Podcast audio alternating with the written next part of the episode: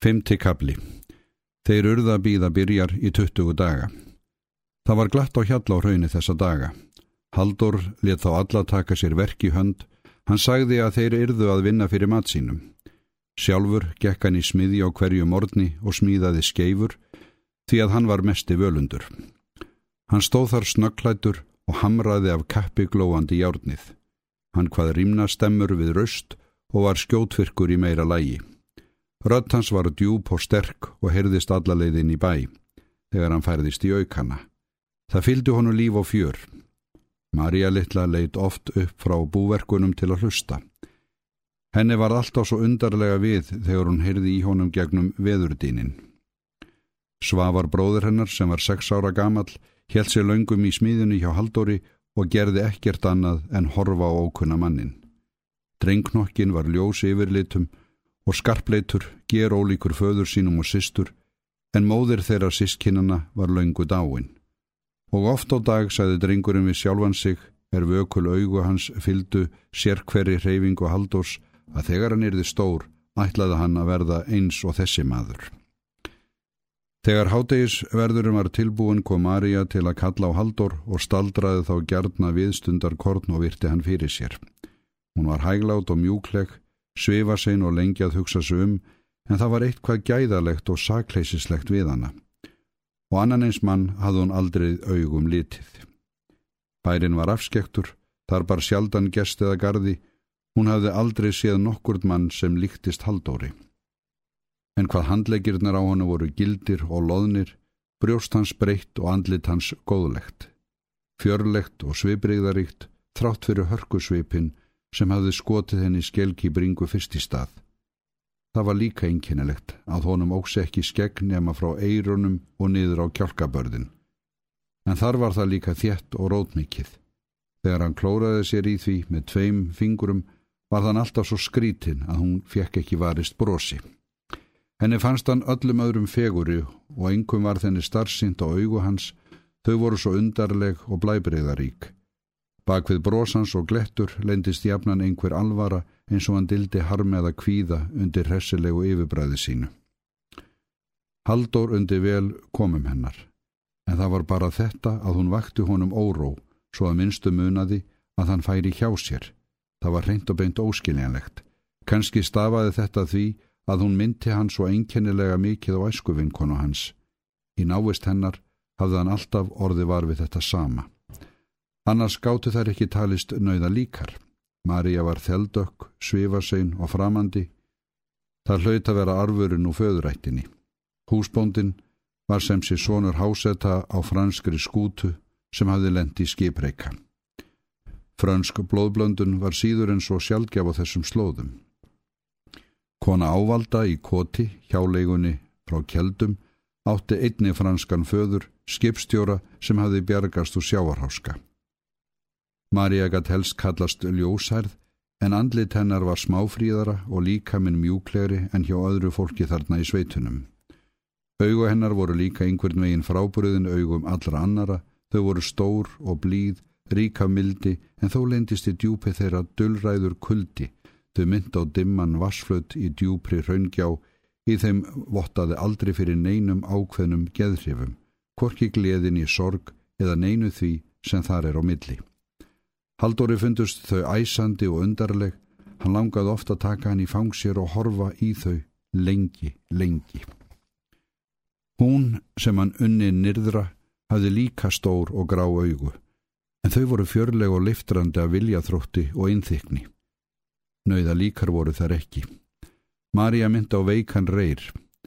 Hann langaði að taka hanna í arma sér og bera hanna þegar þau gengu snæðþækið túnið heim úr smiðjunni og einu sinni skauti upp í huga hans að það liti að vera indislegt að þrýsta henni að sér og kissa hanna. Hann hugsaði því meira um hana sem dagarnir eruðu fleiri. Og þótt undarlegt megi heita, þá myndi að naumast eftir salvuru allan tíman. Bóndin og hrauni átti náðu að daga þessa viku. Skipferir Haldórs unnu því nær öll dagleg störf og fléttuðu auk þess reypi og brúðu gerður úr öllu því rosshári sem fyrir hendi var. Mart var í ólægi og niðurníslu á bænum, búsahöld, meisar og sitt hvað fleira, en menn Haldórs gerðu við það allt og löguðu. Sjálfur stjórnaði formaðurinn öllu þessu, síndi hvernig gera skildi þetta og hitt og hjælt mönnum sínum að verki. Jóni Díavög bjóð til fallega horfspæni handa feðginunum og vinnukonunni. Hann skar meira að segja nöpp þeirra í spænina. Hann var svo eini sem til þessa kunni, en annars vann hann á samt hinum allt sem til fjall. Á kvöldin sapnaðist fólki saman í rúmgóðri baðstofunni, allir tóku sér verki hönd og einn las upphátt Íslendingasögur eða hvað rýmur. Kvekt var á tveimur lísislömpum sem báru góða byrtu og fólki satt á veggförstum rúmum eða klunnalögum förustólum. Oftast kom það í hlut Haldós að lesa eða kveða, hann hefði mesta röddina og las mjög áheyrilega. En þess á milli satt hann hjá Marju og hjálpaði henni við að kempa. Þau töluðu fátt því að hún var ekki gefin fyrir orðræður. Ekki svo að skilja að sjálfsagt hefði hún viljað spjalla við hann um eitt og annað, en hún kom sér ekki að því. Og hvað áttu hún að segja við annan eins mann? En hún horði því meira á hann. Þau horðu hvort og annað og Haldóri leið vel í návist hennar, enda þótt gleði hans væri blandin óró. Hann var ekki eins og hann átti að sér.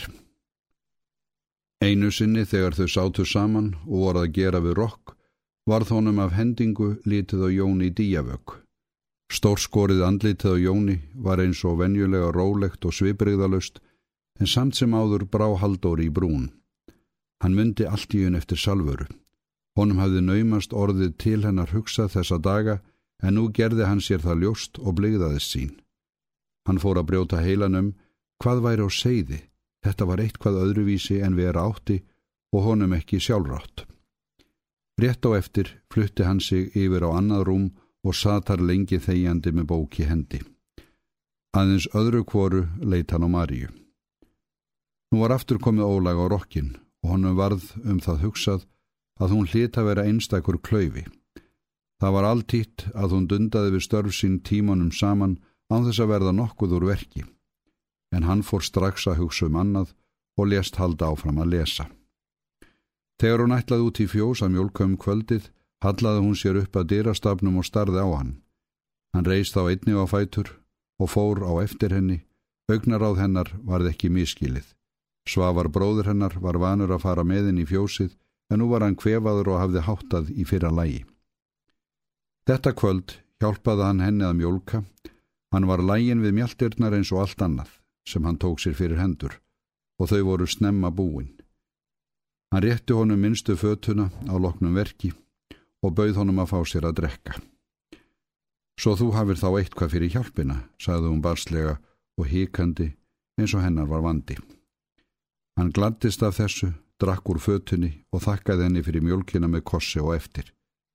Það bjói raun og veru ekkert á bakvið þetta fremur en þegar maður kissir barn, en þegar munnur hans snart mjúkar varir hennar var þann svo einkennilega ángurvær. Þetta myndi hann á annan koss sem hann hafi þegið í æsku, myndi hann á hana sem hann hafi kist fyrst allra kvenna. Og allt í einu var þónu ljóst að hann myndi taka það sárt að skiljað við Maríu litlu. Honum fannst svo tilhugsun líkust því að yfirgefa hjálparvana barn sem hann ætti sjálfur. Hún kvildi róleg við barm hans og horði augu honum í skímun af kólunni sem stungið hafði verið í torvekkin. Hann sá óttablandna eftirvæntingar fulla gleði speiklast í andliti hennar sem blasti við honum og sjálfur var hann á valdi einkennilegra tilfinninga. Hann fann að það var unaðslegt að vefja hana örmum, það var eins og fögur langþráð óskar ættist. Hann var gladur í bræði og mildur í muna. Hann fjekk ekki við sig ráðið, kisti hana hvað eftir annað, settist á meis með hann í fanginu og horfi lengi brosandi í augu henni. Þér þykir væntum mig, sagði hann loksins. Já, svarað hún án þess að hugsa sig um. Þig þykir mér væntum. Í sömu andrá læstist um hann kynlegur uggur. Eitthvað sem var geimannlegt og óhjákvæmilegt hafði verið ráðið. Dölin máttur let líf hans til sín taka og beindi því inn á nýjar brautir. En hann skorti þreg til að veita viðnám. Það varð að skeika að sköpuðu hvað sem við tæki. Hér var að verki afl sem var vilja hans yfirsterkara. Hann grúði höfuðið hægt að andliti hennar, knúina kvíðvænlegri spurninni í augum hennar og sagði það sem hún þráði. Mér þykir líka vænt um þig. Ég elska þig. Þá var það sagt og er þið ekki tekið aftur. Hann var alvarlegur í bræði það sem eftir var kvöldsins og mælti naumast orð frá vörum aldrei þessu vant. Því að nú hafði runnið upp fyrir honum ljós þegar hann heyrði sjálfan sig segja þetta.